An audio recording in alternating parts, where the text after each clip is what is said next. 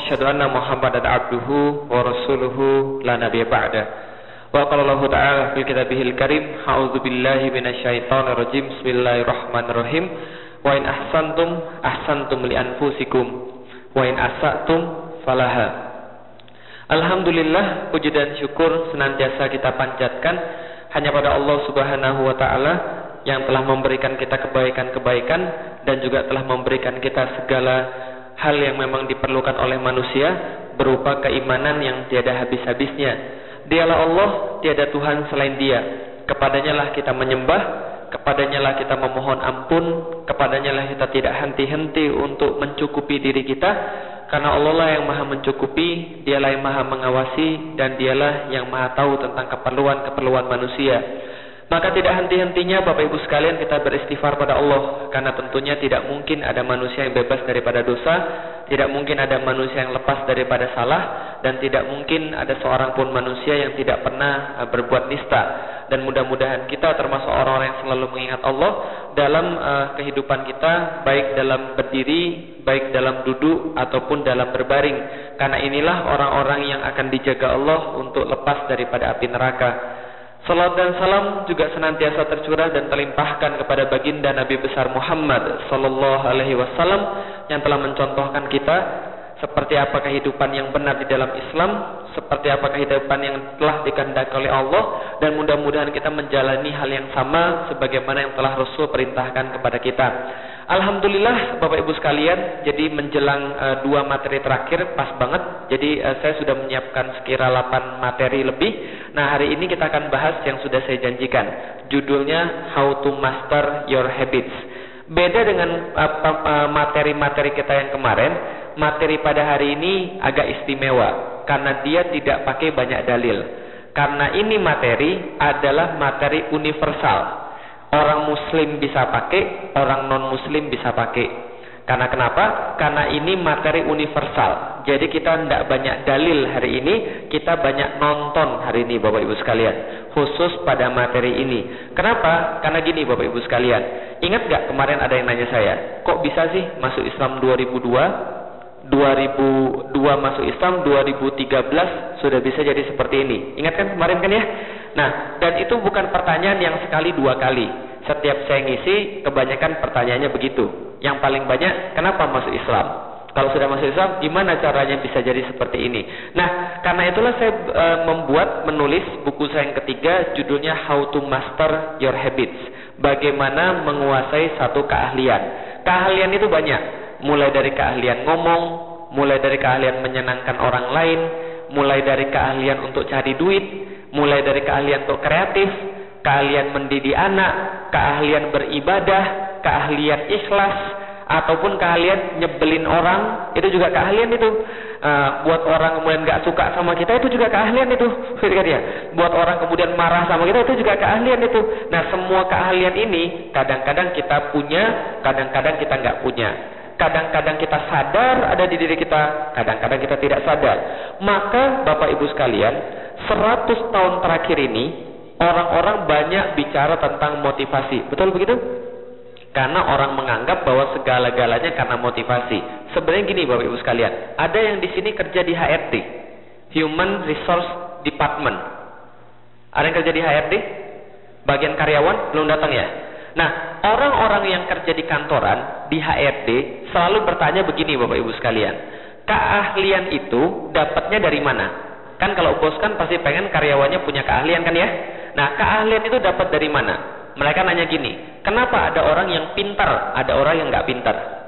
Ada orang yang kalau disuruh kerja beres, ada orang yang kalau disuruh kerja nggak beres.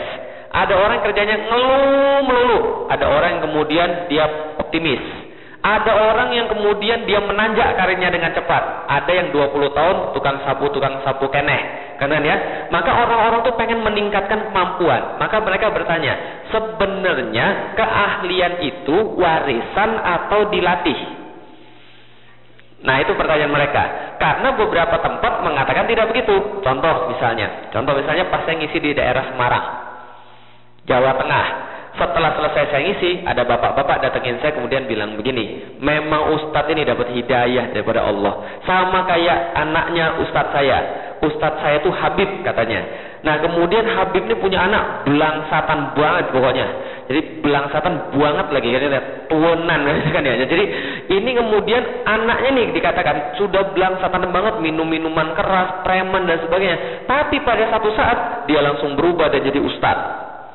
Lalu kemudian orang Jawa Tengah ini bilang sama saya, berarti ustadz itu memang sudah ditulis dari langit.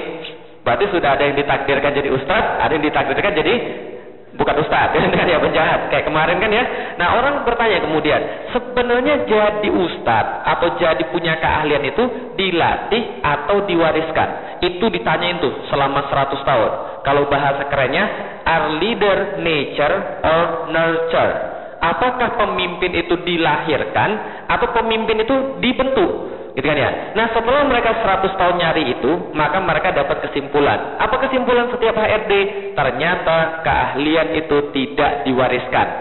Karena kalau keahlian diwariskan monyet nggak di pohon lagi bapak sekalian. Monyet pasti sudah sekarang pegang komputer. Kan gitu kan ya? Kalau keahlian diwariskan ternyata tidak. Berarti keahlian di dilatih, maka muncul banyak pelatihan motivasi, training-training motivasi menjamur di seluruh uh, dunia, termasuk di, uh, di uh, Amerika. Benar banyak training motivasi? Di Indonesia banyak nggak training motivasi? Banyak banget training motivasi, muncul motivator-motivator, kan gitu kan ya? Banyak training-training motivasi. Ciri-cirinya apa? Ciri-ciri banyaknya training motivasi. Kalau kita tanya, apa kabar hari ini? Jawabnya luar biasa. Nah, pernah dengar gitu? Luar biasa, luar biasa. Itu ciri-ciri orang pernah ikut training motivasi. Tapi ternyata setelah banyak training motivasi, ternyata tidak menolong bangsa Indonesia. Bangsa Indonesia tidak juga bangkit-bangkit. Ada orang yang ngeluh pada saya, Start, saya ikut training motivasi, semangat banget Start. Tapi sayangnya sebulan setelahnya, saya kembali lesu lagi. Saya ikut training motivasi, sialnya saya seminggu kemudian saya lesu lagi. Lebih sial lagi, tiga hari dia lesu lagi. Yang paling sial, pulang dari training dia lesu lagi. Ternyata training motivasi tidak membantu orang Indonesia kecuali lebih banyak yang jadi penipu. Betul begitu?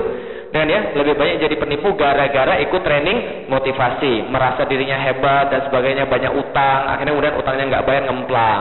Kemudian ikut training motivasi, pakai kartu kredit banyak-banyak, kemudian beli barang-barang bisnis tanpa ada kalian kemudian ngemplang. Kan gitu kan ya? Ini kemudian yang paling banyak di Indonesia. Lihat kabar-kabar kemarin, orang-orang yang banyak nipu, karena tadi dia meyakinkan secara kemudian ngomong, tapi nggak ada isinya sama sekali. Nipu, wahyu sekalian. Nah, karena itu saya meneliti, kira-kira apa yang menyebabkan orang punya keahlian? Kira-kira apa yang menyebabkan orang ini punya suatu hal yang memang itu akan permanen, tidak hanya habis dalam sehari dua hari. Yang saya dapat inilah, namanya judulnya How to Master Your Habits. Nah kalau gitu kita lihat, untuk kemudian belajar habits pada hari ini sangat mudah sekali Bapak Ibu sekalian. Kita cukup nonton saja. Pertama-tama perkenalkan Bapak Ibu sekalian, namanya Tiger Woods. Siapa namanya? Tiger Woods. Siapa dia Tiger Woods ini? Pegol. Tiger Woods ini Bapak Ibu sekalian, dia pemain golf dan dia mendapatkan satu keistimewaan karena dia mendapatkan juara tertinggi dalam golf ketika berumur 21 tahun. Keren nggak Bapak Ibu sekalian? Yang pernah main golf susah nggak begini? Ah, jangan kan susah kan ya. Dia juggling pakai stick golf Bapak Ibu sekalian. Coba bayangin, Tiger Woods mendapatkan juara dunia golf ketika berumur 21 tahun. Sedangkan orang-orang biasanya untuk mencapai juara golf itu harus melalui umur 40 atau 60 tahun. Berarti dia sepertiga atau setengahnya umur orang-orang yang lain jadi juara golf. Tidak hanya jadi juara golf, Tiger Woods jadi sekarang olahragawan terkaya di dunia menggantikan posisi Michael Jordan, pebasket yang kemudian sangat terkenal. Tiger Woods punya personal net worth itu sekira 500 juta US dollar, Bapak Ibu sekalian. Jadi ibaratnya kalau dia dijual itu laku segitu. Berapa nih Bapak Ibu sekalian? Nolnya ada berapa nih? banyak. Kalau nolnya masih banyak berarti nggak akan dapat duit segitu kan ya. Nolnya ada satu dua tiga empat lima enam tujuh delapan. Delapan berarti berapa? Lima ratus juta. Kalau dirupiahkan kalau dibeliin cendol kira-kira dapat sebanyak apa? Oke, okay. dan dia mendapatkan kemudian gaji per tahunnya itu sekitar 85 juta US dollar. Itu Tiger Woods lewat kemudian permainan golf. No mention skandal dia baru-baru ini. Kita nggak bahas ya. Yang kita bahas adalah dia seorang pegolf profesional yang melewati kemudian impian orang-orang Orang-orang jadi umur 40 tahun juara golf aja udah bersyukur. Dia umur berapa? 21 tahun jadi juara golf Ibu sekalian. Dengan kemampuan yang hebat seperti itu. Menurut Bapak Ibu sekalian, keren atau enggak? Keren ya. Oke, yang belum pernah main golf, sekarang kita ceritain ini permainan rakyat Bapak Ibu sekalian. Kalau ini pasti tahu Ibu sekalian. Main futsal Bapak Ibu sekalian. Tuh, coba lihat tuh. Yang cowok-cowok ada yang hobi main futsal? Tuh lihat tuh, coba lihat tuh. And your feet Tuh, keren ya? talking. Tuh. Kayaknya kakinya ada talinya ya? Kok bisa bola tuh kayaknya lengket sama kakinya dia? Here, three Atau jangan-jangan kakinya punya otak sendiri nih bisa mikir? Atau punya mata? Tuh. Kalau kita lihat ini apa kita pikir? Keren banget. Kok bisa gitu ya? Oke, bagi kita ini sesuatu yang luar biasa. Bagi kita ini sesuatu yang hebat. Bagi mereka ini sesuatu yang biasa. Karena kerjaan mereka tiap hari main bola, maka tatkala bola sudah di kakinya, kakinya gerak sendiri. Nah, sekalian. Keren sekalian? Keren. Itu main bola. Jadi habits ini apa? Habits adalah perbuatan yang sudah kita ulang terus-menerus sampai itu menjadi sebuah kebiasaan. Otomatis kita lakukan. Nggak percaya? Contoh lagi di depan supaya kita lebih paham. Di depan ada seorang anak kecil, usianya 2 tahun. Berapa usianya? 2 tahun. Berapa usianya? Dua tahun. Tapi saya jamin bahasa Arabnya lebih bagus daripada Bapak Ibu sekalian. Gak percaya? Nih perhatiin baik Bapak Ibu sekalian. Berapa usianya tadi? Berapa usianya tadi? Dua tahun. Coba lihat. Tuh. كم عمرك؟ Tuh. كيف حالك؟ Tuh. ما تحية الإسلام؟ Tuh. من ربك؟ Man rabbuki Allah. أين الله؟ Aina Allah? Fis من sama. نبيك؟ Man nabiyuk Muhammad. أين ولد الرسول؟ Akhirnya Makkah. إلى أين هاجر الرسول؟ Hij- Hijrahnya ما Madinah. دينك؟ Agamamu كم Islam. عدد أركان Rukun الإسلام؟ Islam. كم Lima. عدد أركان Rukun iman. Sita. Agamamu? Ah, sorry. Kewajiban oh, sholat. Tuh.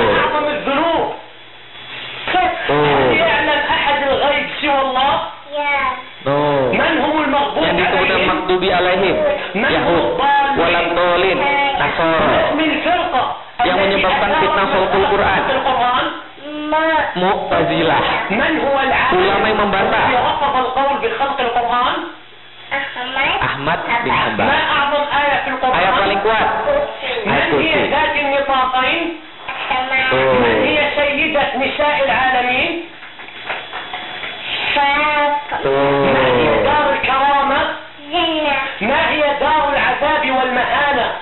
Oh. Oh, bangun tidur? Oh. Makan minum الأذنان ما حكم استخدام حكم السواك سنة. ما حكم استخدام حكم تسبيح حكم الاحتفال بالمسجد النبوي؟ ما حكم سماع الأغاني؟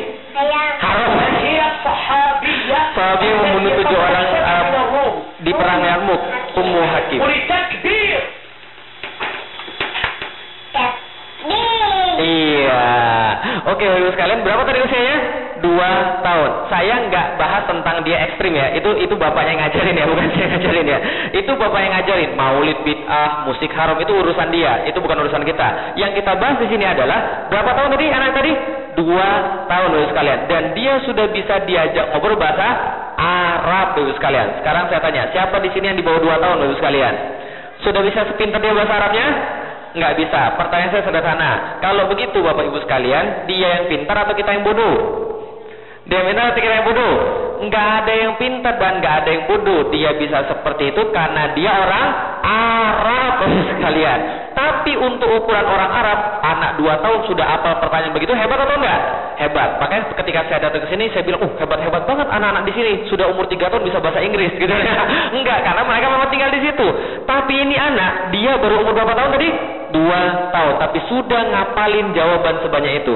Yang ingin saya bahas, satu, Bapak sekalian. Apakah video yang diputar tadi itu pertama kali di, eh, direkam oleh bapaknya atau sudah beratus-ratus kali? Jelas sudah beratus-ratus kali. Udah beratus-ratus kali. Kenapa? Jelas itu bukan video yang pertama kali direkam oleh bapaknya. Karena pasti ada di mana dia jawabnya salah, atau di mana dia lupa jawabannya atau dia kabur dari videonya kan gitu kan ya ini hasil pengulang-ulangan hasil daripada he, habit yang pertama. Yang kedua Bapak Ibu sekalian anak usia 2 tahun punya akal atau tidak? Punya akal atau tidak? Berarti kalau ada punya akal atau tidak? Nggak punya. Akal itu baru ada setelah balik.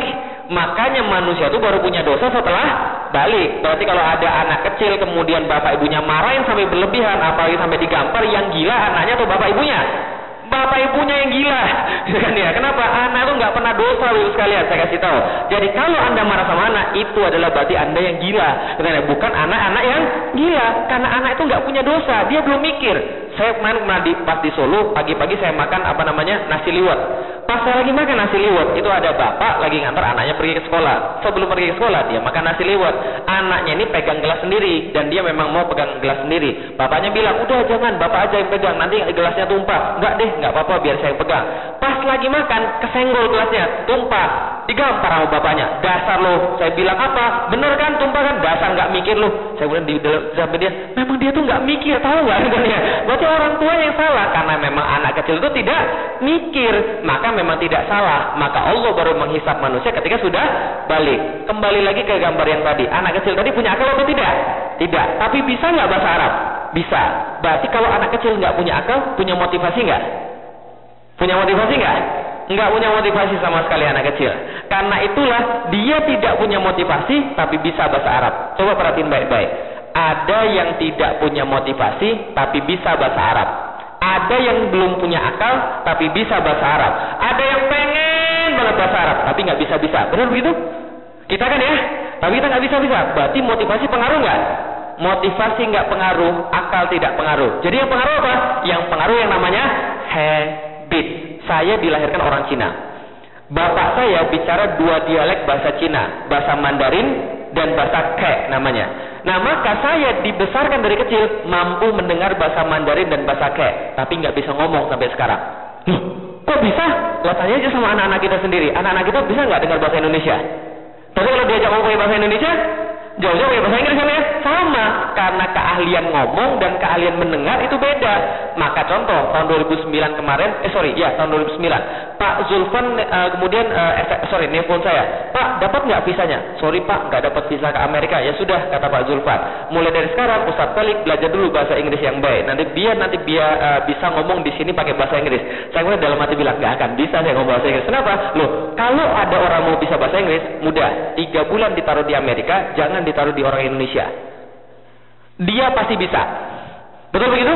Karena terpaksa tiap hari harus ngomong pakai bahasa nggak perlu motivasi baru sekalian untuk bisa bahasa Inggris, nggak perlu pakai akal untuk bisa bahasa Inggris. Asal terpaksa pasti bisa, asal di biasa. Berarti bahasa Arab juga begitu. Betul begitu? Oke kalau gitu saya tanya, sekarang siapa yang bisa baca Arab gundul? Oh sorry sorry sorry kalau gitu saya ganti pertanyaannya. Siapa yang nggak bisa baca Arab gundul? Ah ini baru benar ya pertanyaannya. Oke yang nggak bisa baca Arab gundul angkat tangan, yang nggak bisa baca Arab gundul. Oke nanti yang yang tangan saya tes ya. Oke siapa yang nggak bisa baca Arab gundul? Oke sekarang saya tanya, benar ya nggak bisa baca Arab gundul ya? Kita tes dulu. Nih coba baca ibu sekalian. Nggak bisa benar? Serius nggak bisa? Oke sekarang saya tanya, siapa yang mau bisa baca Arab gundul? Angkat. Oke, terima kasih. Lumayan banyak. Sekarang saya tanya lagi. Bapak Ibu sekalian, benar mau bisa baca Arab gundul? Benar? Anda beruntung undang saya ke Los Angeles, Bapak Ibu sekalian. Karena di dunia ini, Bapak Ibu sekalian, baru ada satu orang yang menemukan metode belajar baca Arab gundul dalam waktu satu menit. Hmm, siapa lagi kan ya? Seluruh dunia, Bapak Ibu yang bisa kemudian menemukan itu cuma saya doang, Bapak sekalian. Saya adalah penemu pertama membaca Arab gundul dalam waktu berapa? Satu menit, Bapak sekalian. Saya sudah tes di Australia, saya sudah tes di Jepang, saya sudah tes di seluruh Indonesia, semua berhasil. Sekarang saya tanya, mau nggak belajar baca Arab gundul dalam waktu satu menit? Yakin? Tapi ada tumbalnya. Karena kan yang insan kan pasti nggak ada yang gratis. Sekarang betul gitu? Ada tumbalnya, ada mantra yang harus dibaca, ibu sekalian. Tapi saya harus ingatkan, kalau bapak ibu tidak teguh hatinya dan tidak yakin benar, jangan ikut-ikutan, karena bisa gila mendadak. Ya, oke? Iya, makanya kalau nggak yakin benar-benar jangan ikut karena bisa gila mendadak. Harus hatinya yakin betul. Oke? Oke, sekarang yang hatinya betul dan siap belajar baca Arab kundul dalam satu menit akan. Wih, masih banyak. Kalau gitu kita baca mantra yang bersama-sama. Bismillahirrahmanirrahim. Yakin ya, yakin ya. Saya nggak tahu jawab loh kalau ada yang gila mendadak ya. Saya belum ngomong Pak Farhat loh ini. Bentar ya, oke? Siap ya? Siap? Yakin hati ya? Oke, Bismillahirrahmanirrahim. La haula wala quwata illa billah. Insya Allah sudah bisa baca. Sekarang baca keras-keras. Terus keras-keras. Terus baca keras-keras. Terima kasih. Bisa kan? Bisa. Saya tuh nggak pernah bohong, Bapak sekalian. Gundul 100% Bapak sekalian. Gundul 100% Bapak sekalian. Dan Bapak Ibu 100% baca ini dengan benar ya. 100% gundul Bapak sekalian. Pertanyaan saya Bapak sekalian. Bapak Ibu sekalian, apa beda antara tidak bisa dengan bisa Bapak sekalian? Apa beda antara tidak bisa dengan bisa? Beda tidak bisa dengan bisa adalah biasa. Bapak Ibu sudah baca ini jutaan kali sekalian. Kalau masih salah, terlalu sekalian. Kayak yang subur kemarin, eh, yang subur disuruh baca Al-Fatihah nggak bisa, terlalu kan ya. Nah kenapa? Ibu-ibu, bapak-bapak sudah baca ini jutaan kali. Kalau masih salah, keterlaluan. Bapak Ibu tahu nggak tentang nahu sorof bahasa Arab? Tidak tahu, tapi kenapa bacanya ini bismillahi, bukan bismulahu atau bismilahu. Kenapa bismillahi? Pokoknya kalau bismillahu nggak enak Ustaz. Nah itulah namanya habis. Rasa nyaman ketika kita mengucapkan sesuatu. Pasti bacanya bismillahirrohmanirrohim. Kan itu kan ya? Maka itulah namanya habit. Sekali lagi, beda antara tidak bisa dengan bisa adalah biasa. Ah Ustaz bohong, itu kan gampang tak. Kalau yang susah gimana? Kalau ini kan susah, ini kan gampang. Eh jangan salah Bapak Ibu sekalian. Yang susah bisa jadi gampang kalau tidak biasa. Eh sorry, yang susah bisa jadi gampang karena biasa dan yang bi yang mudah bisa jadi susah karena tidak biasa. Kita buktikan. Hafal huruf abjad A sampai Z? Benar. Serius. Kita tes. A. Ulangi lagi. Terima kasih, saya percaya. Sekarang dibalik dari Z sampai A. semua? Itulah maksud saya yang mudah bisa jadi susah kalau tidak biasa. Berarti kalau yang susah bisa nggak jadi mudah? Bisa kalau biasa. Nah, kalau gitu kita lihat dulu sekalian. Yang mudah bisa jadi susah karena biasa, yang susah bisa jadi mudah karena biasa. Baca dulu sekalian. Apa ini? Bandara. Kenapa bukan bacanya bundar atau bandar? Karena otak kita otomatis membedakan konteks kalimat. Betul begitu Bapak sekalian? Yang bawah. Kenapa bacanya lagi tunggu bukan lagi tangga bagasi? Karena otak kita membedakan konteks kalimat. Yang bawah. Antum ada di mana? Yang nggak biasa pengajian nggak bisa baca itu. Antum ada di mana? Yang bawah? Ke sini atau ke sana? Kenapa nggak ke sini? Nggak mungkin Ustaz ke sini, pasti ke sana kan dia kan ngirim SMS. Oke, tapi kan kita kan berbicara itu nggak kemudian kita katakan. Otak kita berpikir dalam waktu 0,00 sekian detik karena sudah biasa. Coba kalau orang bule yang baru belajar bahasa Indonesia, suruh baca SMS ini sampai hari kiamat dia nggak bisa baca Bapak sekalian. ya. Kenapa? Karena bisa karena biasa. Oke kalau gitu Bapak sekalian. Otak kita tuh bekerja secara otomatis Bapak sekalian. Otak kita bekerja secara otomatis. Apa pun yang muncul, maka otak kita otomatis baca kayak kita baca SMS. Otomatis kan ya? Kayak kita baca bismillah tadi. Maka otak kita itu bekerja secara otomatis. Contoh, berdasar apa yang sering kita ulang-ulang. Ini gambar apa nih? Enak nggak? Siapa yang keluar air liur? Ah, berarti seorang tempe menduar. Ini enak nggak Bapak sekalian? Enak. Ini enak nggak Bapak sekalian? Enak. Ini enak nggak Bapak sekalian? Enak. Tahu ini daging apa Bapak sekalian? Nih Bapak sekalian. Ayo. Oh, nggak usah lama-lama deh. mendadak merasa jijik, Bapak Ibu sekalian. Betul begitu? Kenapa mendadak merasa jijik? Kita otomatis karena otak kita itu tidak bisa dikendalikan. Apa yang sering kita pikirkan, itulah yang muncul secara otomatis pada diri kita. Maka itulah namanya bahwa kelihatannya kita berpikir, merasa, dan berbuat secara otomatis tanpa kita kendalikan. Karena tergantung oleh yang namanya habits. Maka orang yang terbiasa berpikir baik akan mudah dia untuk husnuzon. Tapi kalau orang yang kemudian sering berpikir yang buruk, mudah bagi dia untuk suuzon. Gitu kan ya? Karena berpikir itu otomatis. Contoh, saya tes. Nih, berpikir otomatis. Apa pun makanannya, minumannya, oke, kenapa bikinnya teh botol sosro? Karena berpikir itu secara oto, otomatis nih, merasa juga secara otomatis. Mohon maaf, saya tes ya. Ini untuk kepentingan pendidikan. Siapa orang Jawa? Katakan yang orang Jawa. Yang orang Jawa. Nun sewu Bapak Ibu sekalian, mohon maaf ya. Ini demi kepentingan pendidikan. Oke? Saya tidak ada dendam di antara Bapak Ibu sekalian kan ya dan saya kan ya, tapi ini demi kepentingan pendidikan. Nun sewu Bapak Ibu sekalian. Apa yang Bapak Ibu rasakan yang orang Jawa kalau dengar kata asu? Gimana rasanya? Kurang ajar itu Ustaz. Itu nggak enak bahwa saya dengarnya. Padahal saya sudah minta maaf dari tadi betul begitu. Tapi tetap ketika mendengar kata itu rasanya gimana? Nggak enak, perasaannya nggak enak. Tapi kalau kemudian orang Sunda mendengar kata yang sama, asu rasanya gimana orang Sunda? Nggak setersinggung orang Jawa kan ya? Tapi kalau orang Sunda akan tersinggung kalau dia dengar kata bagong. Tahu dia bagong? Bagi orang Sunda, bagong artinya babi. Tapi kalau orang uh, Jawa dengar kata bagong, yang kepikir apa? Semar kan ya. Apa namanya? Wayang kan ya? Maka cara tersinggung tuh beda-beda Ibu sekalian. Contoh misalnya orang Malaysia itu dengan orang Indonesia walaupun sama-sama bahasa Melayu tapi ada bahasa Indonesia yang membuat orang uh, Malaysia itu merasa malu luar biasa. Karena itulah kita menyebutnya biasa dia dengarnya itu geli. Gitu kan ya? Contoh apa mungkin katanya? Butuh. Butuh. Saya membutuhkan sesuatu Artinya saya memerlukan sesuatu. Kalau pergi ke Malaysia jangan sekali-kali ngomong butuh. Tahu nggak arti butuh apa? Alat kelamin laki-laki. Serius. Makanya ketika saya ke Malaysia, saya kemudian belajar dulu apa kemudian kebudayaan. Kenapa? Cara tersinggung kita beda-beda, sekalian. Kalau kita ngomong butuh di sini biasa aja. Orang Malaysia dengar begitu, ketawa-tawa dia, geli. Eh, kenapa? Karena cara tersinggung beda-beda, cara merasa berbeda-beda, dan cara berbuat juga berbeda-beda. Tergantung yang namanya habit, otomatis. Nggak percaya? Nih, lihat baik-baik, Ibu sekalian. Ini cara membedakan mobil yang baik dan mobil yang jelek. Perhatiin baik-baik. Perhatiin baik-baik.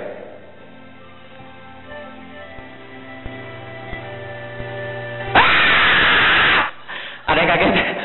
Ada yang kaget? Ada yang kaget dulu sekalian? Oke terima kasih Oscar. Tapi nggak ada saya jantungan ya. Makanya saya tanya dari tadi. Saya ngeri tiba-tiba ada yang tewas kan ya.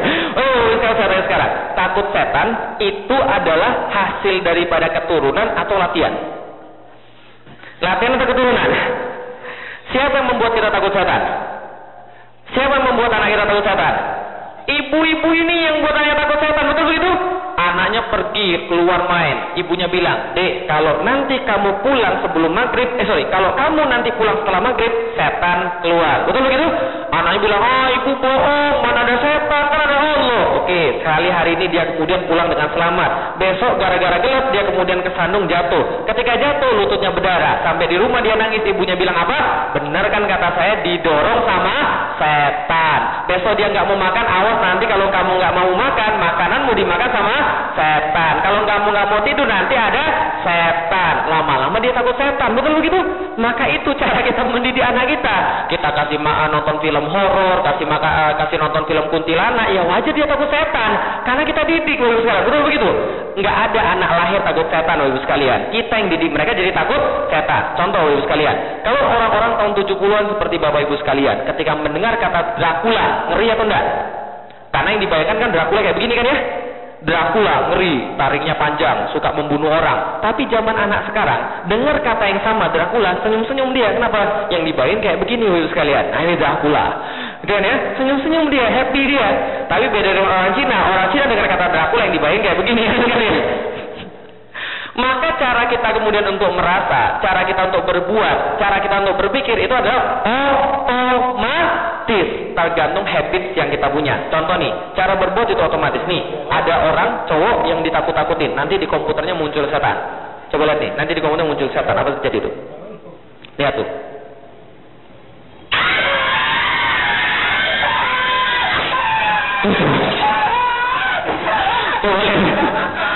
Nah kalau itu kita lihat. Sekalian. Dia ninju monitornya itu sengaja atau tidak sengaja? Sadar atau tidak sadar? Itulah bagian daripada yang namanya habit Bapak sekalian. Dia melakukan itu dia nggak sadar Bapak sekalian. Kira-kira pekerjaannya apa kira-kira? Pasti dia pelatih karate. Karena itu pukulan sempurna Bapak sekalian. Kalau muka kita di depannya bonyok itu Bapak sekalian. Lah kenapa? Karena itu bagian daripada habit. Dia nggak bisa kendalikan diri dia. Makanya dulu saya punya teman yang latihan merpati putih Bapak sekalian. Tahu merpati putih? Nah pas saya kemudian mau bangunin di subuh, saya nggak berani bangunin dia uh, dari dekat. Kenapa? Saya pakai lidi saya dari jauh. Bangun, bangun. Kenapa? Kalau kemudian nanti dipukul bahaya. Kemudian ya. Nah itu kemudian adalah bagian daripada habit. Contoh, ada yang pernah latihan karate, bapak-bapak sekalian. Ada yang pernah latihan karate? Oke, Bapak latihan karate. Satu kali uh, latihan diulang berapa kali Pak gerakan itu? 20, enggak lebih. Satu gerakan Pak. Diulang berapa kali? 2000 kali sekalian satu gerakan. Kenapa? Untuk membentuk pada diri dia yang dalam ke dunia kedokteran disebut dengan the learn reflex refleks yang dipelajari. Sehingga ketika ada datang sesuatu maka itu langsung kemudian otomatis dia pukul. Kan ya? Itu yang namanya the learn reflex refleks yang dipelajari. Tahun-tahun yang lalu pernah dengar di Jakarta ada namanya suster ngesot di Tanah Sapam pernah dengar? Pernah dengar? Belum pernah? Jadi gini ceritanya. Di Jakarta ada seorang cewek iseng dia mau merayakan ulang tahun temennya dengan cara apa? Ngagetin temennya. Jadi dia dandan jadi susah ngesot. Ngeri banget tuh kan ya. Jadi dia nunggu kemudian selesai kerja, dia nungguin di lift bagus sekalian. Nah, jadi dia berharap ketika temennya turun, ngelihat itu takut, mau ditakut-takutin kira. Jadi dia sudah dandan rapi banget tuh, rambutnya dipanjangin, pakai baju putih terus ngesot di lantai. Tiba-tiba pas kemudian dia kemudian nungguin di situ, yang keluar bukan temennya, satpam langsung oleh salon nendang kemudian orang tadi. Sampai kemudian ada 17 jahitan di pantatnya bapak sekalian. Pertanyaan saya sederhana. Yang salah suster ngesotnya atau satpamnya ngapain dia muncul di depan satpam itu tadi? Kalau saya jadi kepala keamanan saya sudah angkat satpam itu jadi kemudian posisi paling atas. Kenapa? Karena itu tandanya satpamnya terlatih bapak sekalian. Betul begitu? Nah inilah kemudian namanya habit habit itu adalah semua daripada yang kita kerjakan. 95% daripada semua yang kita pikirkan. Semua yang kita rasakan, semua yang kita perbuat adalah hasil daripada habit. Berarti kalau saya bisa ngisi seperti ini, tandanya saya sudah ngulang-ngulangin materi ini banyak kali. Berarti kalau saya bisa ngomong seperti ini, itu tandanya jam terbang saya sudah tinggi. Berarti kalau ada orang yang nggak bisa ngomong di depan umum, itu tandanya jam terbang dia belum banyak. Selesai. Itu aja. Bisa karena biasa, bukan karena bakat, tapi bisa karena biasa. Itulah namanya habit. Cara makan itu habit. Lihat coba cara makan orang, pasti beda-beda. Betul begitu? Coba lihat, kalau ada orang dikasih makan nasi telur, cara makannya beda-beda gak? Ada yang makannya putihnya dulu dihabisin. Kemudian tengahnya dibagi dua kuningnya. Makan setengah, makan setengah. Ada yang putihnya dibiarin, tengahnya dimakan. Ada yang kemudian belah dua, makan setengah-setengah. Ada yang kemudian dimakan lu kuning, uh, putihnya semua. Kuningnya kemudian bulat-bulat di, uh, ditelan. Kan itu kan ya? Ada orang beda-beda cara makannya. Kalau dia dikasih makan yang sama, dia akan makan dengan cara yang sama lagi. Kalau saya ada yang memperhatikan cara saya makan, kalau cara saya makan yang enak saya tinggalin di belakang. Gitu kan ya? Ada yang orang yang enak dimakan di depan. Nah, ada yang kemudian dicampur-campur. Nah, itu orang Jawa Timur biasanya kan ya, campur-campur jadi satu. Nah, saya pernah punya teman kan ya, dia makan sate sekalian. Sate kemudian dia kemudian lepasin semua satenya, terus kecapnya dicampur semua sama sama kemudian uh, apa? Kacangnya, terus dicampur jadi satu kayak bubur. Saya bilang, itu makannya enak emang. Dia bilang, ah sama aja, nanti juga di perut bercampur juga. gitu kan. Habit loh sekalian, sudah kebiasaan kan sekalian. Nah, itu adalah bagian daripada kebiasaan. Cara makan itu adalah kebiasaan. Cara menampilkan wajah itu juga kebiasaan. Maka ada orang yang wajahnya berseri-seri, ada orang yang wajahnya ditekuk 10. Makanya orang Cina bilang ada yang wajahnya hoki, ada yang wajahnya nggak hoki. Kan itu ya. Lah wajahnya nggak hoki gimana? Kalau dia sudah datang orang pasti bilang, "Udah, kamu pergi aja deh, saya sudah tahu kamu pasti mau ngutang sama saya." Kan itu ya. Wajahnya nggak hoki. Ini secara sains benar Bapak sekalian. Jadi gini Bapak sekalian, orang yang sering ngeluh, ya, catat baik-baik, orang yang sering ngeluh akan terlihat pada wajahnya. Dan orang yang sering ngeluh nggak akan mungkin bisa kerja. Maka seorang HRD yang baik, seorang supervisor yang baik, dia bisa membedakan orang itu bisa kerja dari wajahnya dan kemudian dia bisa lihat orang itu pinter nggak kerja dari wajahnya karena sudah terlihat. Orang yang periang, orang yang optimis kelihatan dari wajahnya. Gimana cara bedanya? Ibu-ibu biasanya pinter bedain. Gitu kan ya? Karena ibu-ibu dikasih karunia oleh Allah untuk melihat emosi, melihat kemudian wajah, kan ya? Jadi nggak boleh ketika pagi-pagi ibu ketemu teman, kemudian ibu tanya, eh kenapa wajahmu kok jelek banget hari ini? Temannya bilang, wajah saya sudah dari kecil sudah begini. Boleh begitu? Nggak boleh, karena itu hasil habit dia. Habit membentuk segala-galanya. Cara perang, kreativitas itu juga habit. Produktivitas itu juga habit. Maka segala-galanya ada yang namanya habit. Dan habit itu punya bapak, namanya latihan. Emaknya namanya repetisi. Anaknya namanya habit. Sekali lagi, bapaknya siapa? Emaknya siapa? Anaknya namanya? Oke, sekali lagi, bapaknya siapa? Ibunya siapa? Anaknya namanya habit. Bapaknya latihan, ibunya repetisi. Anaknya namanya habit. Bapaknya latihan, ibunya repetisi. Kalau mereka kawin, pasti punya anak namanya habit. Walaupun kawin lari atau kawin siri, tetap punya anak namanya habit. Walaupun kawinnya dipaksa maupun kawinnya sukarela, tetap aja punya anak namanya habit. Asal punya bapak, bapaknya siapa? Latihan. Ibunya siapa? Repetisi. Anaknya namanya habit. Jangan lihat ke depan. Bapaknya siapa namanya? Emaknya namanya siapa? Anaknya namanya? Pintar. Oke, bapaknya latihan, ibunya repetisi. Anaknya namanya? Sekali lagi, bapaknya siapa? Ibunya siapa? Anaknya namanya? Bagus. Kalau gitu kita lihat. Habit seperti tanaman yang tumbuh. Awalnya yang tumbuh apa? Akarnya awalnya tumbuh, kemudian dia berhasil menyerap unsur hara. Airnya kemudian keluar, kemudian bisa diserap oleh akar, dan akarnya menumbuhkan tanaman di atasnya. Ketika tanamannya tumbuh di atasnya, maka dia punya daun yang bisa menghisap kemudian sinar matahari.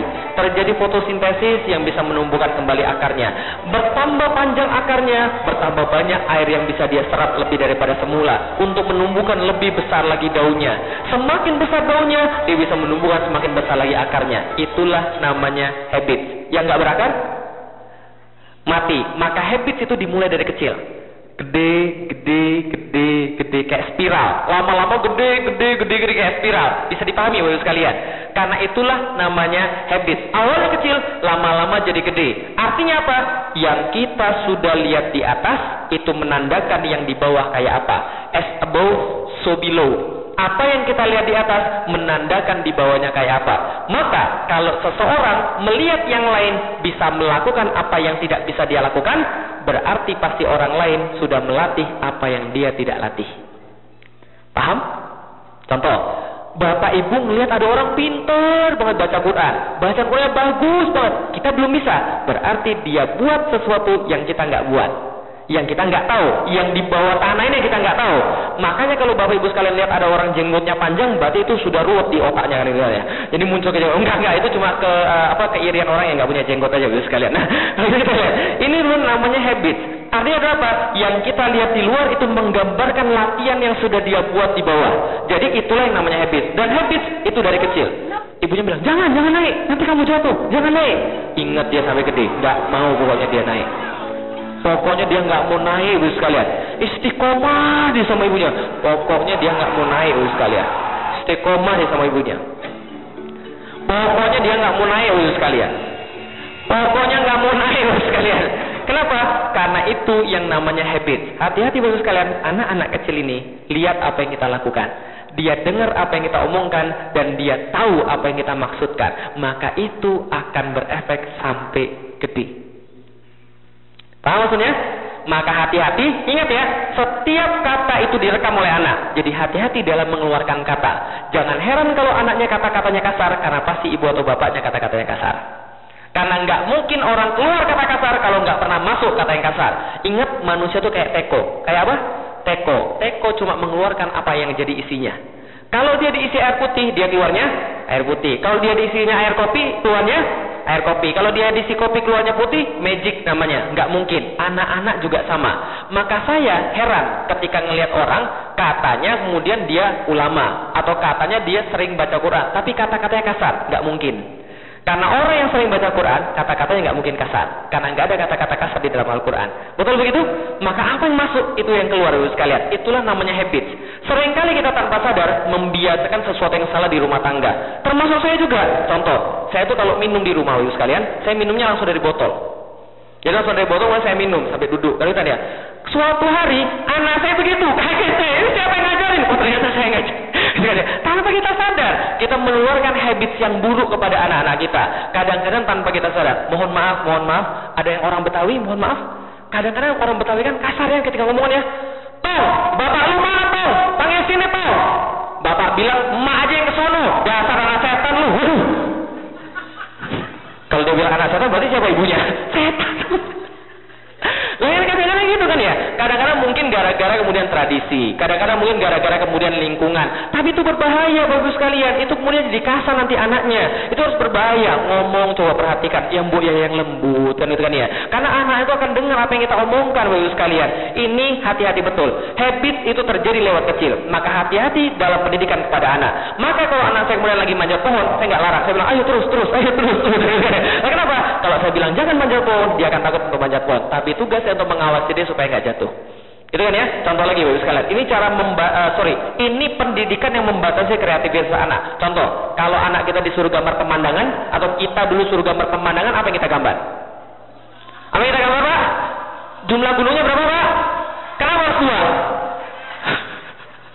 Kenapa nggak tiga? Kenapa nggak empat? Karena dari dulu sudah begitu, Ustaz. Nah, oke, di tengah-tengah gunung ada apa? Matahari. Dari matahari keluar apa? Jalan. Sebelah kiri kanan jalan ada apa? Pohon. Terus ada burung, ada apa lagi? Sawah. Terus di atas gunung ada apa? Awan. Ada ada kemudian burung. Dari zaman dulu sampai zaman sekarang, sekarang. Pemandangan gunung dua. Ya Allah. Terus ada jalan, ada mulai burung. Ya Allah, kok gitu terus pemandangan. Jadi kalau kita gak gambar itu seolah-olah itu bukan pemandangan, ya kan ya? Itu namanya membatasi kreativitas anak. Ketika anak saya gambar pemandangan, saya bilang, kenapa harus gunung dua? Kenapa Alila nggak bikin gunungnya tiga? Enggak, Bi, ini yang diajarin gunungnya pemandangan. Enggak, saya bilang, pemandangan nggak harus kayak gitu. Saya bilang, kita ganti dikit aja. Gimana, Bi? Saya gambar awannya di bawah. Terus saya gambar gunungnya di atas. Boleh nggak?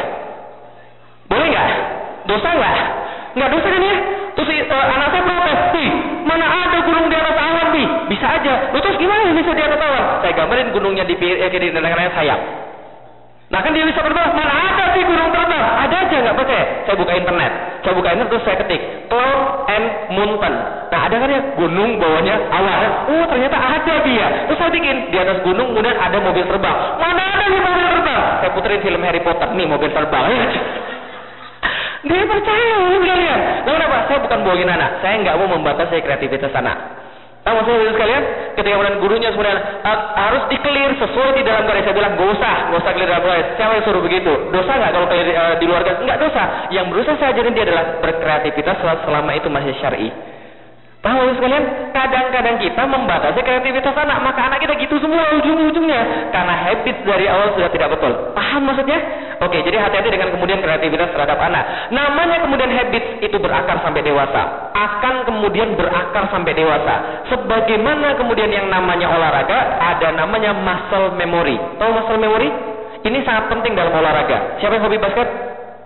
Ada hobi basket? Dalam olahraga basket, di dalam kemudian lemparan free throw, maka orang baru bisa mencapai akurasi 85% free throw kalau dia sudah lempar sebanyak 500 ribu kali. Berapa? 500 ribu kali.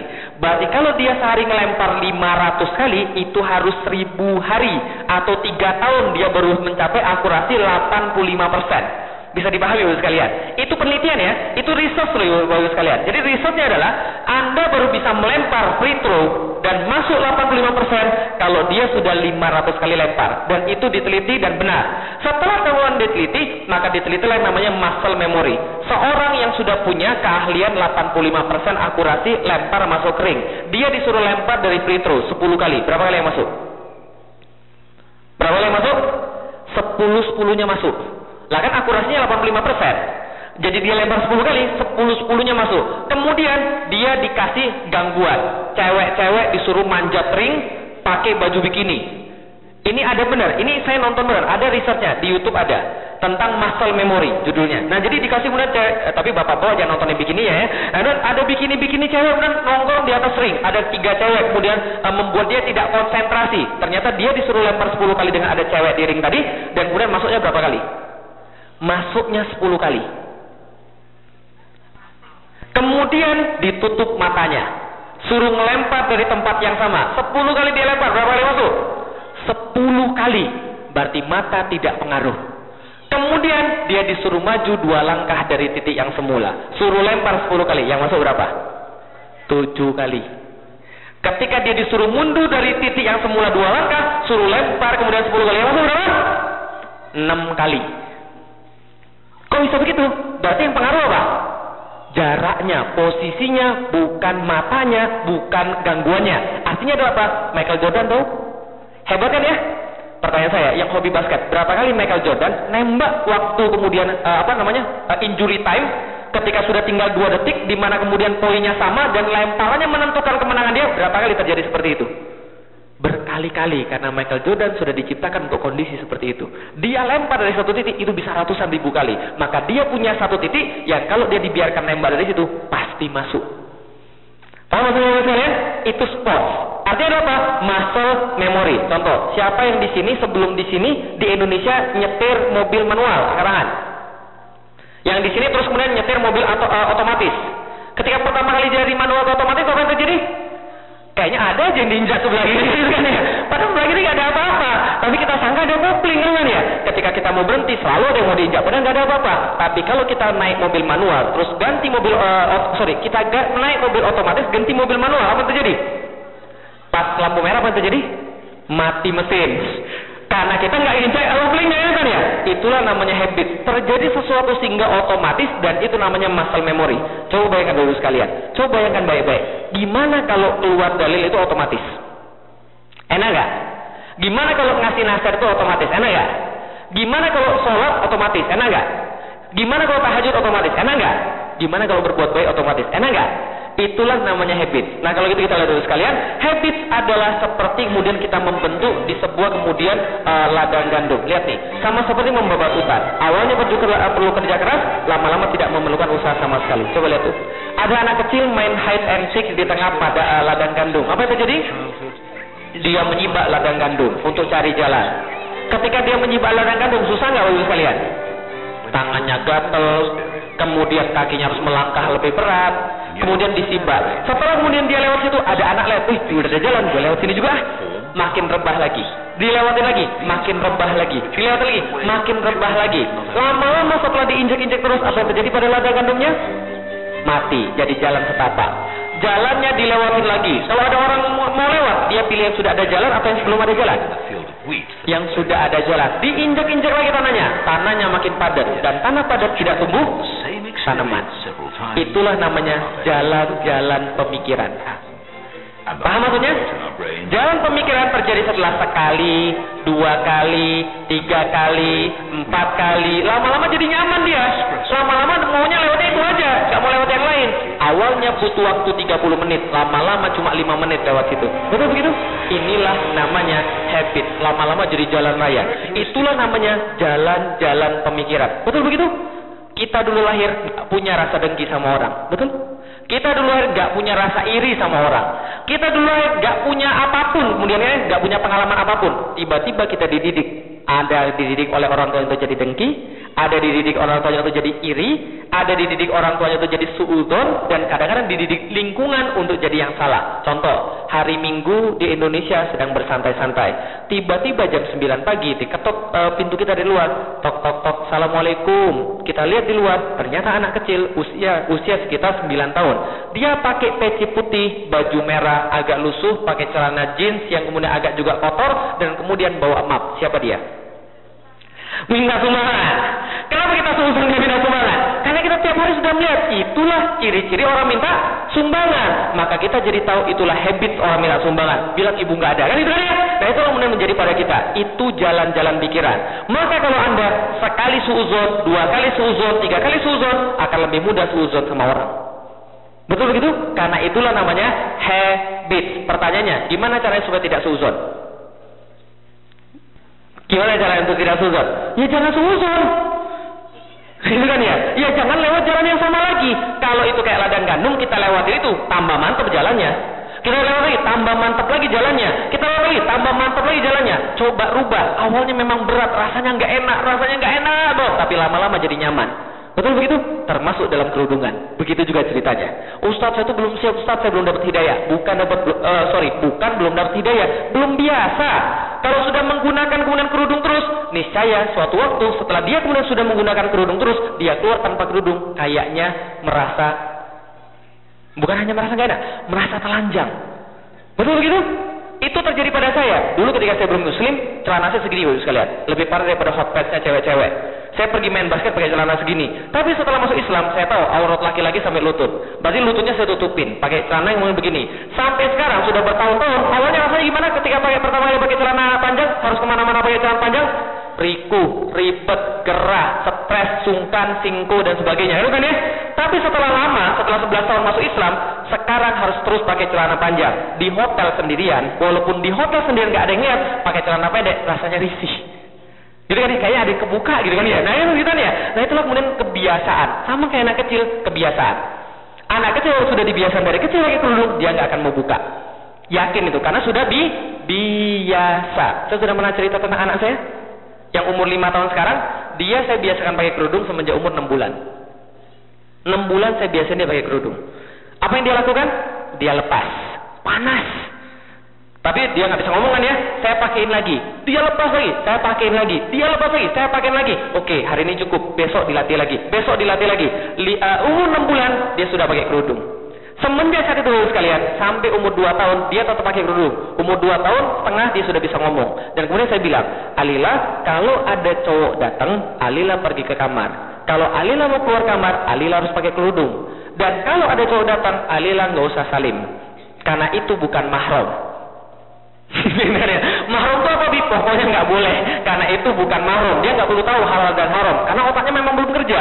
Yang, perlu dia tahu adalah yang boleh disalin cuma bapak ibunya saja. Selain itu bukan mahram. Maka kalau bapak-bapak datang ke rumah saya, ny- uh, kemudian mau nyalami anak saya sampai hari kiamat dia nggak akan mau nyalami.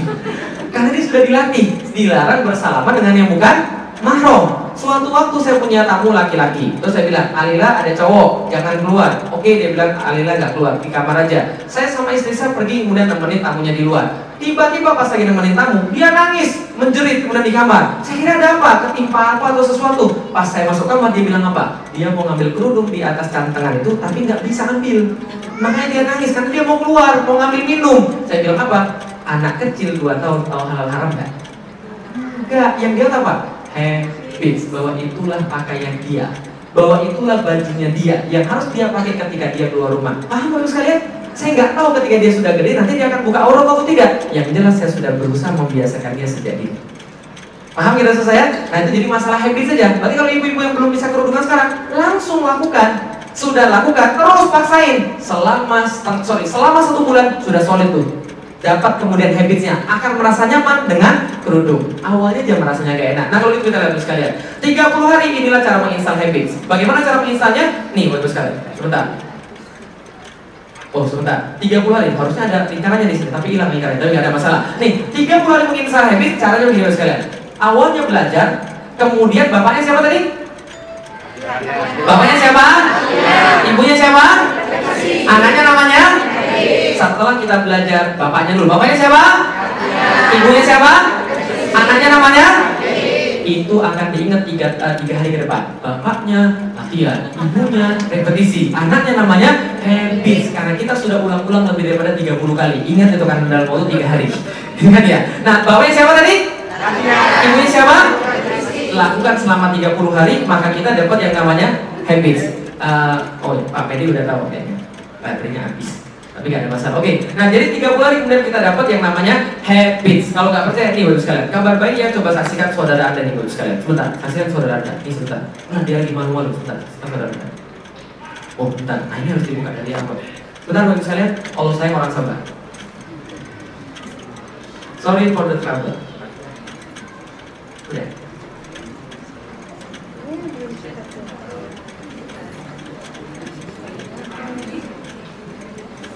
Bagiannya nggak keluar.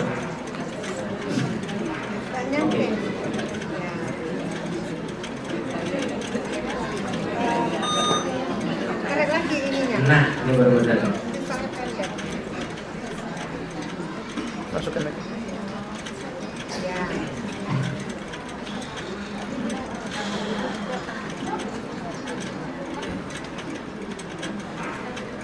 Nah, ini kita lihat uh, dari dari ini aja bagus sekalian, dari manual aja. Nah, ini perkenalkan ini saudara anda bagus sekalian. Nah, nah, ini perkenalkan saudara anda bagus sekalian. Nah, dia lagi malu. Ya, sorry, sorry, sorry, salah, salah. Ini bukan awalnya. Ah, ini nih awalnya nih. Nih, perkenalkan saudara saudara sekalian tuh. Ya tuh. Nah, apa ini Bapak sekalian? Nah, tuh. Dia bisa kungfu Bapak sekalian. Tuh lihat tuh, lihat tuh. Nah, coba lagi nih. Nah, nih lihat tendangan berputar nih, tendangan berputar. Nah, ayo. Tuh sekalian. Tuh, dia tuh, dia di, eh, dari belakang diserang, nggak berhasil. Nah, lihat ya. Bagus sekalian, ini apa bagus sekalian? Monyet bagus sekalian. Pertanyaan saya, monyet ini dari lahir sudah bisa kungfu atau belum? Nah, kalau gitu kita lihat lagi bagus sekalian. Dia diserang dari depan, nggak mempan juga bagus sekalian. Tuh digigit sama dia bagus sekalian. Nggak mempan tuh. Tuh lihat tuh, nih sudah beritem dia bagus sekalian. Nggak ada yang bisa menghalangi dia. Tuh lihat tuh. Nah, tendangannya mantap, tanpa ada keraguan sedikit pun. Tuh, nah tekniknya lengkap. Nah, ayo. Nih pelatihnya bagus sekalian. Mirip kan? Tekniknya bagus sekalian mirip, sekalian bukan yang lain. Nah, begitu kita lihat tuh. Nah, tuh. Pertanyaan saya bagus sekalian. Monyet sudah bisa kungfu dari awal? Belum. Kalau dia dibalikin lagi ke hutan, apakah dia akan menghajar teman-temannya begitu? Dia akan balik lagi kayak monyet kalau dia dikembaliin ke hutan. Kenapa? Karena dia balik lagi manjat pohon, dia balik lagi kemudian makan pisang. Karena itulah namanya habits. Pertanyaannya sederhana, kalau monyet aja bisa begitu, manusia bisa nggak? Kalau mau biasa, nggak perlu kemudian motivasi, cukup dipaksa. Yang ditunjukin sama kita itu hasil pembiasaan. Belum bertahun-tahun pelatihnya ngajarin dia. Masalahnya adalah apa? Kita tidak harus punya motivasi dan tidak harus pakai pikiran untuk bisa sesuatu. Masalahnya adalah kadang-kadang gara-gara motivasi, kadang-kadang gara-gara banyak mikir, kita tidak jadi berbuat tidak jadi berbuat baik. Contoh, ada yang mau tahajudnya lancar setiap hari? Mau cara gimana? Mau cara gimana? Lakukan. Cuma itu caranya. Tapi itu loh Ustaz, gimana saya bisa lanjut kalau saya nggak bisa bangun? Oke, kalau itu saya nggak bisa bangun, bisa lihat. Gampang caranya, pakai alarm. Kalau nggak bisa pakai alarm, minta suaminya siram. Oh biasanya suaminya nggak bisa bangun, siram, kan ya. Kalau dia sudah mau, oke saya mau, uh, ibu saya mau latihan sholat tahajud, oke bangunin dengan paksa. Tidak perlu ikhlas, yang penting terpaksa. Kalau sudah terpaksa, lama-lama jadi ikhlas. Tapi kalau kita mikir terus, biasanya nggak jadi-jadi. Betul gitu? Oh, saya sudah kuat nih. Insya Allah setelah saya menghadiri kajian keutamaan sholat tahajud, saya mau tahajud malam ini. Tapi kan besok kan masuk pagi. Gitu kan ya? Tapi kan pengajian sampai malam. Gitu kan ya? Nah, maka nggak jadi-jadi tahajudnya. Gara-gara banyak mikir. Gitu kan ya? Sedekah banyak mikir. Nggak jadi tuh alamat. Gitu kan ya? Mau ngasih duit 5 dolar. Tapi takut ria. Nggak jadi. Gitu kan ya? Padahal bapak sekalian, kalau kemudian kita ngasih takut ria, sorry, kalau kita nggak jadi ngasih takut ria, itu juga ria. Loh bisa begitu? Ngasih bukan karena Allah, itu ria. Tidak ngasih bukan karena Allah, itu juga ria juga. Terus gimana? Ya ngasih aja. Kita kasih lama-lama, insya Allah jadi ikhlas. Kalau kita nyumbang 100 dolar, insya Allah ria atau ikhlas? Ikhlas atau ria? Kalau kita lakukan itu pertama kali, kita mungkin ria. Lihat nih, lihat nih ya, lihat nih ya, Benjamin Franklin. Oi, yang lain apa-apaan George Washington, gitu kan ya. Nih Benjamin Franklin nih, ya kan ya, nih masuk nih Benjamin Franklin. Mungkin ada rasa ria dalam hati kita, tapi kalau sudah sekali kita lakukan, dua kali kita lakukan, tiga kali kita lakukan, dua ratus kali kita lakukan, lima ratus kali kita lakukan, ada nggak tersisa rasa ria? Karena ikhlas itu asal katanya kholas. Kholas bahasa Arabnya apa? Sudah habis itu kholas. Jadi orang Arab tuh bilang begini. Contoh nih misalnya, mana tadi poinnya? Nah ini, ini, ini isinya penuh atau kemudian habis? Kalau saya minum ini, apakah saya minum seteguk langsung habis atau gimana cara minumnya? Pelan-pelan, pelan-pelan, pelan-pelan, lama-lama jadi habis. Orang Arab bilang yang awalnya penuh lalu jadi habis itu namanya kholas. Kholas adalah apa? Yang awalnya bukan karena Allah semata, semata kita latih hanya karena Allah semata kholas tiada niat selain pada Allah. Itu kholas itu namanya ikhlas. Berarti ikhlas itu dilatih atau dari awal? dilatih. Jarang ada orang dari awal ikhlas bagus sekalian. Tapi kalau orang beribadah awalnya terpaksa ujung-ujungnya jadi ikhlas. Tapi kalau orang nggak mau beribadah beribadah nggak akan ikhlas ikhlas. Betul begitu? ada orang tahajud terpaksa. Matanya berat banget. Lanjutkan atau tidak ada orang bilang, Ustaz, kan kalau saya tahajud saya kemudian gak ikhlas, percuma dong pahalanya gak ada. Kalau anda gak ikhlas tahajud, anda paksain, insya Allah jadi ikhlas. Tapi kalau anda gak jadi jadi tahajud, ikhlas ikhlas gak? Gak ikhlas ikhlas.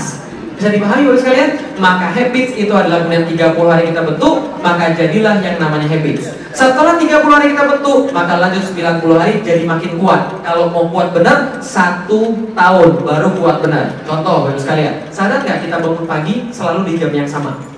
Siapa yang setel alarm dan bangun semenit dua menit sebelum alarmnya nyala?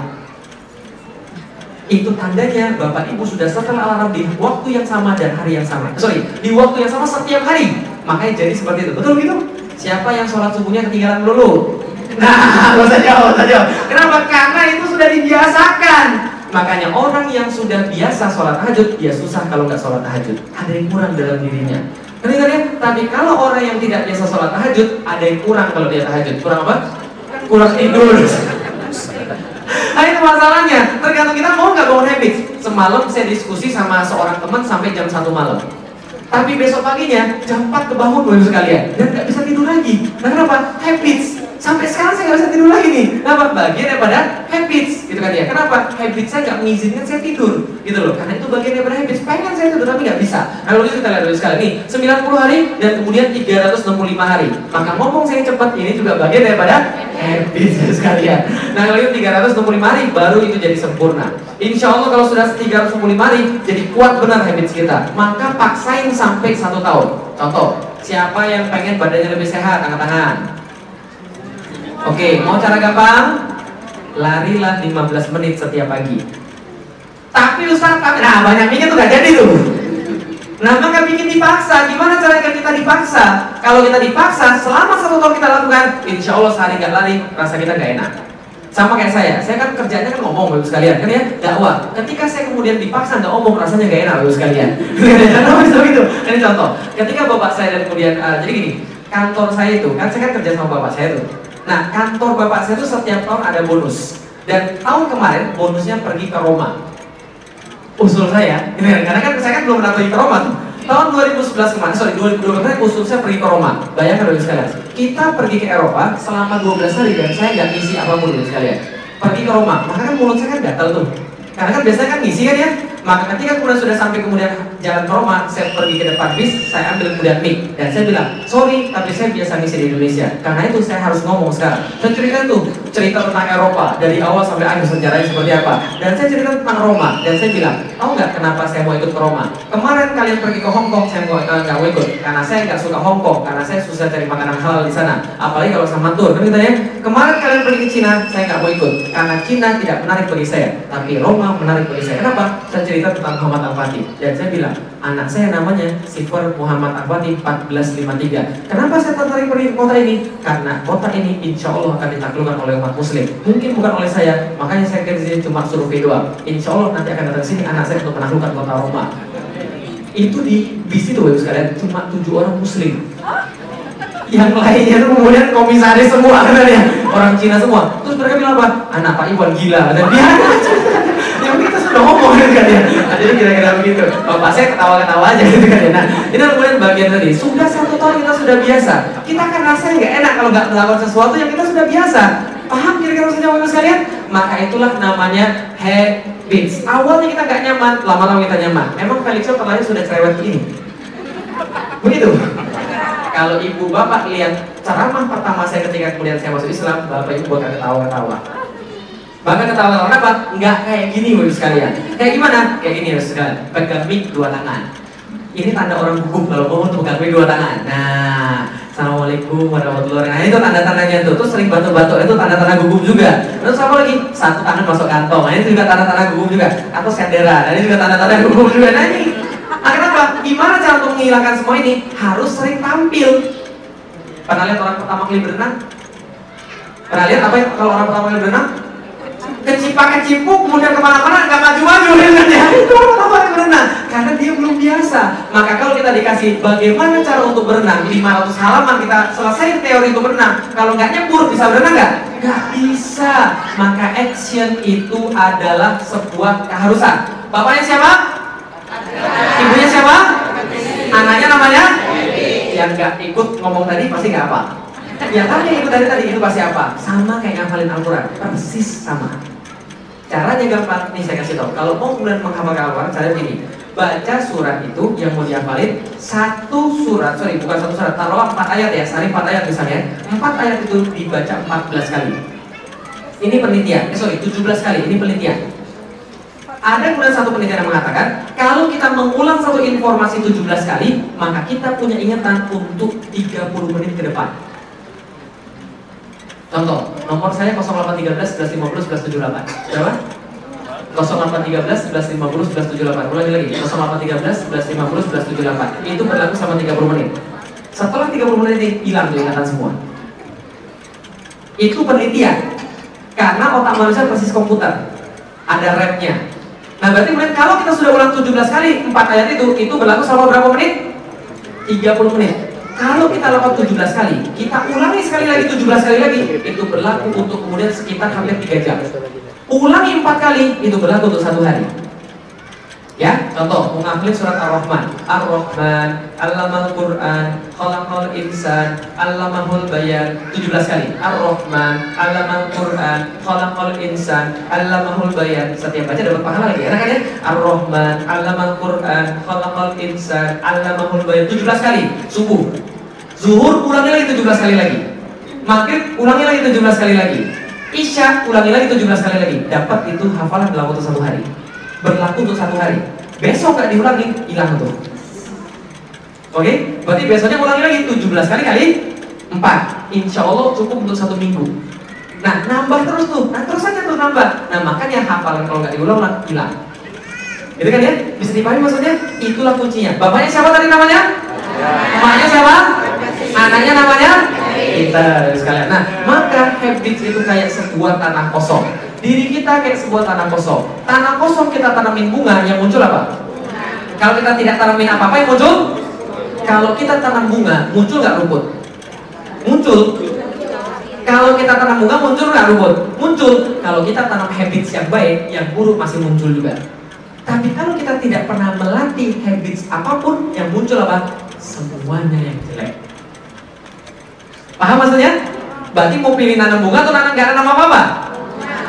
Terus supaya apa? Supaya habit baiknya muncul. Nah karena itulah ini contoh. Nih, ini adegan jangan dilakukan oleh sorry, adegan jangan ditiru. Don't try this at home. Karena ini dilakukan oleh profesional. Saya boleh minta sekitar 10 menit lagi?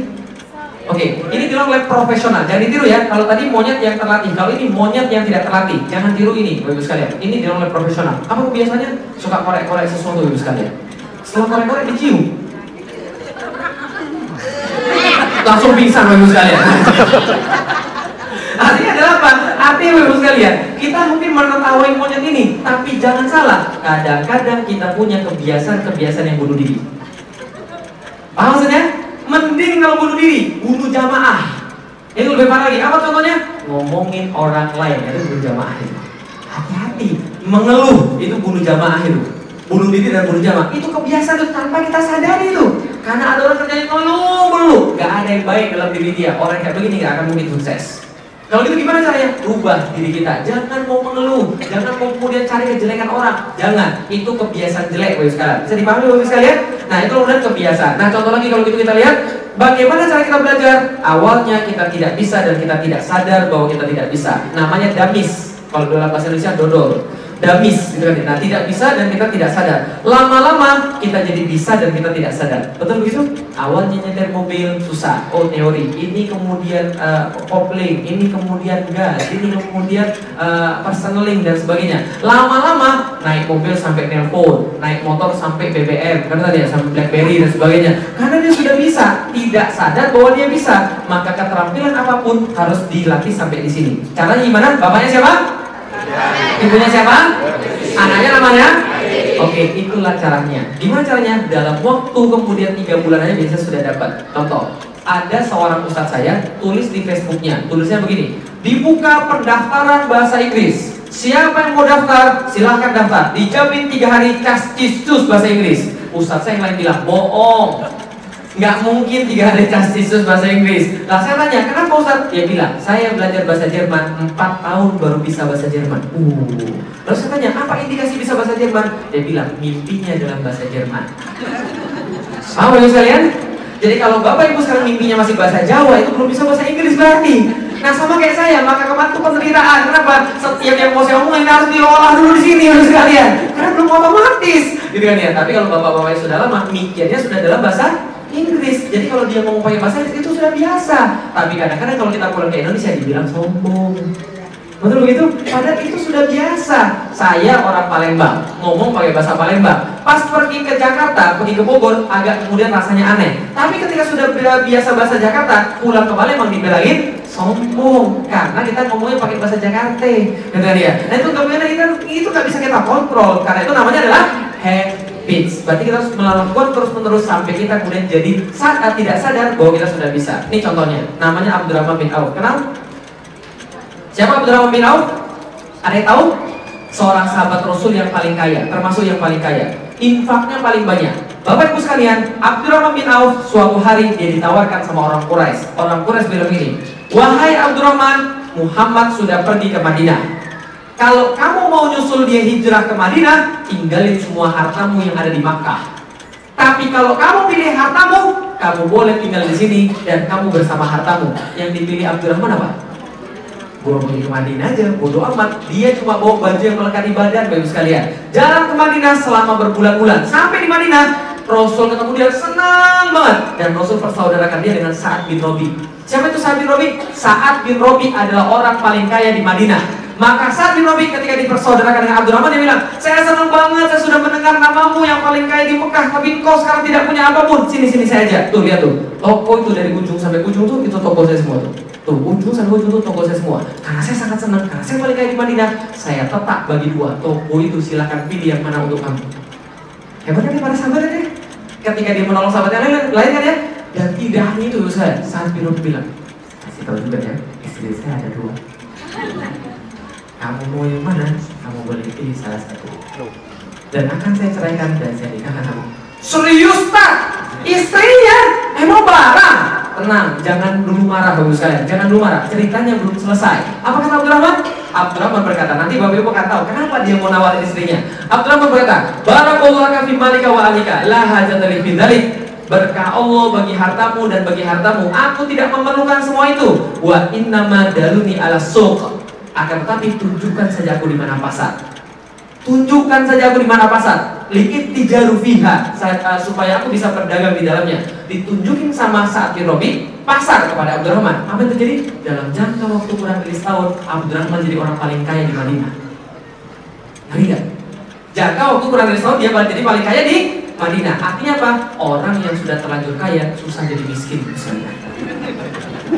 Maksudnya Oh iya betul itu. Orang sudah terlanjur kaya susah jadi miskin, tapi orang sudah terlanjur miskin dikasih gila sekali. Jadi kaya miskin itu masalah mental, bukan masalah duit. Ya ingat ya, kaya miskin masalah apa? Mental, bukan masalah duit. Saya secara pribadi dulu sekarang, saya sekarang bisa berbisnis. Tahu nggak berapa duit yang saya habiskan untuk belajar berbisnis? Lebih daripada 75 juta.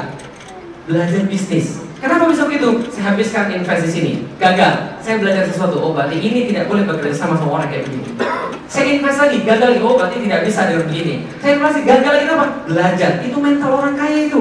Jadi yang dia dapat adalah kemudian pengalaman. Maka ketika Abdurrahman bin Auf kemudian datang ke Makkah, sorry datang ke Madinah, dia sudah tahu semuanya tentang bisnis. Dia tahu segmentasi pasar, dia tahu kemudian diferensiasi, dia tahu kemudian supplier, dia punya networking, dia bisa jadi kaya dalam sekejap karena dia sudah biasa jadi orang kaya. Jadi orang kaya dilempar ke mana pun tetap kaya juga.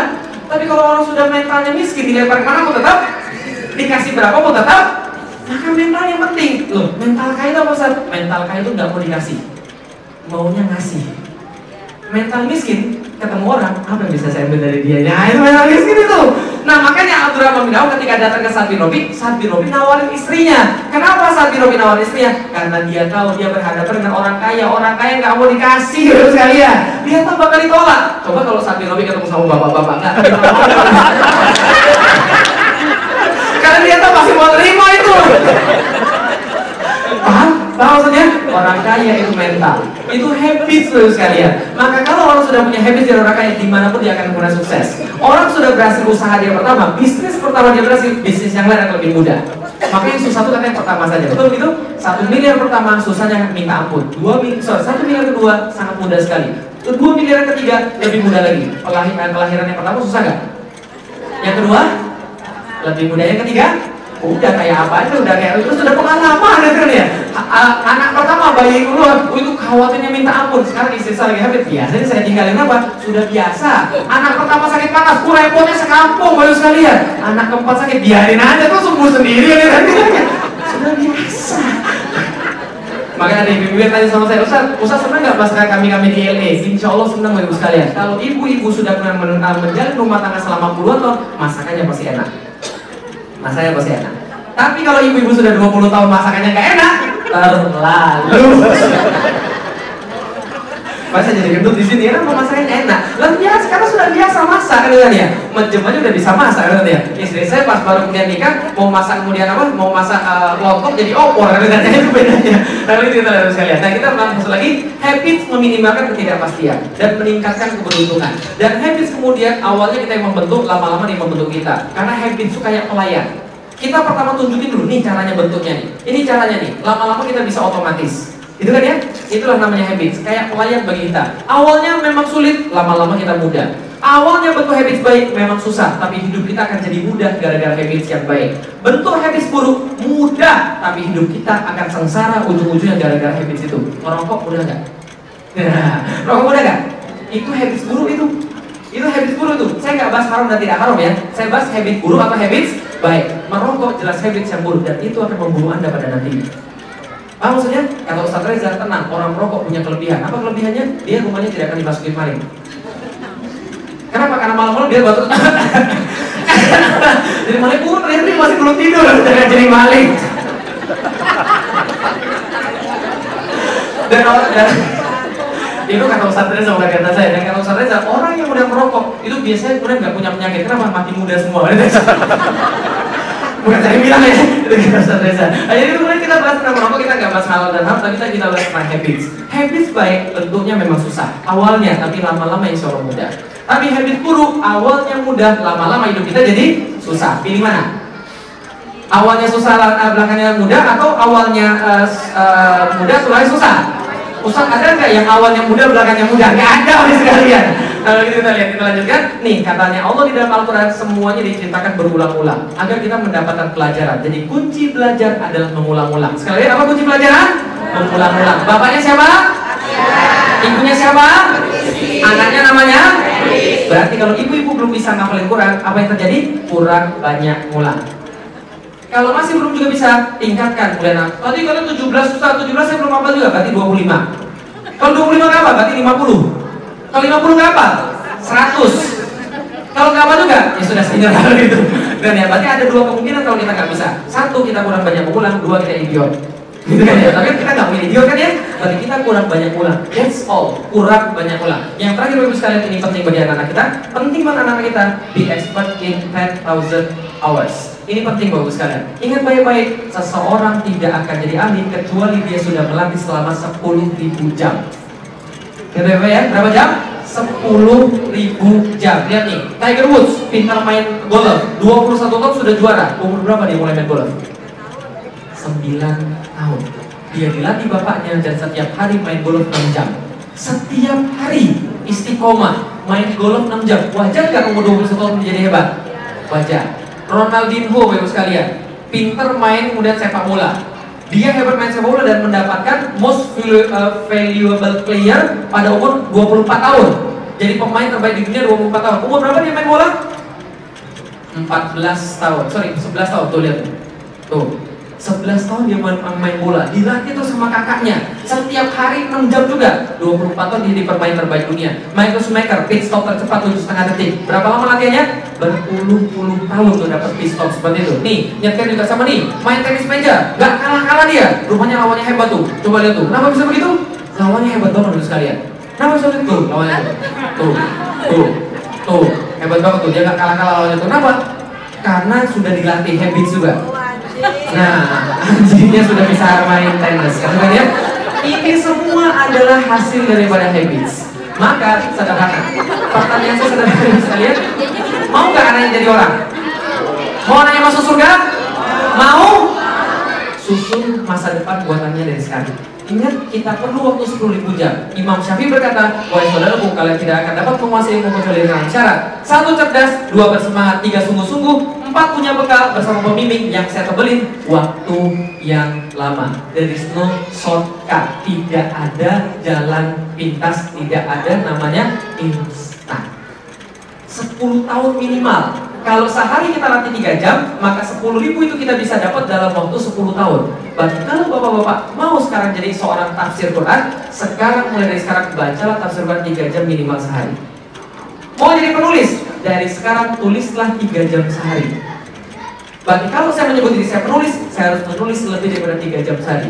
We are what we spend most of our time. Jadi kalau bilang Anda bilang saya seorang ibu dan Anda kemudian menghabiskan waktu di kantor lebih banyak daripada jadi seorang ibu, Anda bukan seorang ibu, Anda karyawan. Paham maksudnya?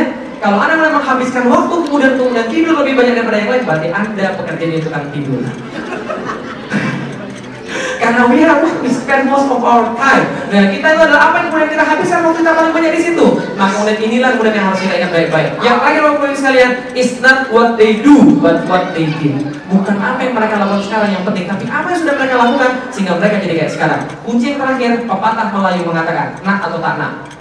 Kalau nak seribu daya, kalau tak nak seribu dalil. Apa peribahasanya? Nak atau tak nak. Kalau nak seribu daya, kalau tak nak seribu dalil. Artinya, Mau atau nggak mau? bahasa Melayu nak atau apa? Mau. Orang Palembang? Mau. Nak atau tak nak? Mau atau tidak mau? Kalau nak seribu daya, kalau mau dia akan keluarkan seribu daya upaya. Kalau tak nak seribu dalil. Kalau dia sudah tidak mau, dia akan keluarkan seribu alasan. Betul begitu? Bu, pergi pengajian yuk. Dia sudah nggak mau. Apa yang dia bilang? Insya Allah ya. Apalagi selain insya Allah? Gua capek nih, sedang masak nih. Kerjaannya banyak nih. Gitu ya? Alasan kalau mau dibuat ribuan alasan, tapi saya kasih tahu tidak ada orang yang jadi pemenang karena bikin banyak alasan. Betul begitu? Pada hari ini, tahun 2017, sambutlah seseorang sudah berhasil membuat alasan. Satu menit seribu alasan, sambutlah Felix Yao. Tidak ada cerita begitu. Justru yang dapat penghargaan siapa? Yang dia punya keterbatasan tapi dia tidak punya banyak alasan. Betul? Kakinya patah tapi jadi juara lari. Ada nggak? Sakit jantung jadi juara sepeda. Ada nggak? Nggak punya tangan main piano. Ada nggak? Ada. Mualaf tapi kemudian bisa melebihi orang yang dari Islam lahir. Ada nggak? Itu. itu yang akan dihargai. Paham maksudnya? Ada orang yang punya keterbatasan, tapi dia tidak jadikan itu sebagai alasan. Itu yang akan dihargai. Tapi kalau orang yang punya banyak alasan, sampai kapan pun dia adalah delusion.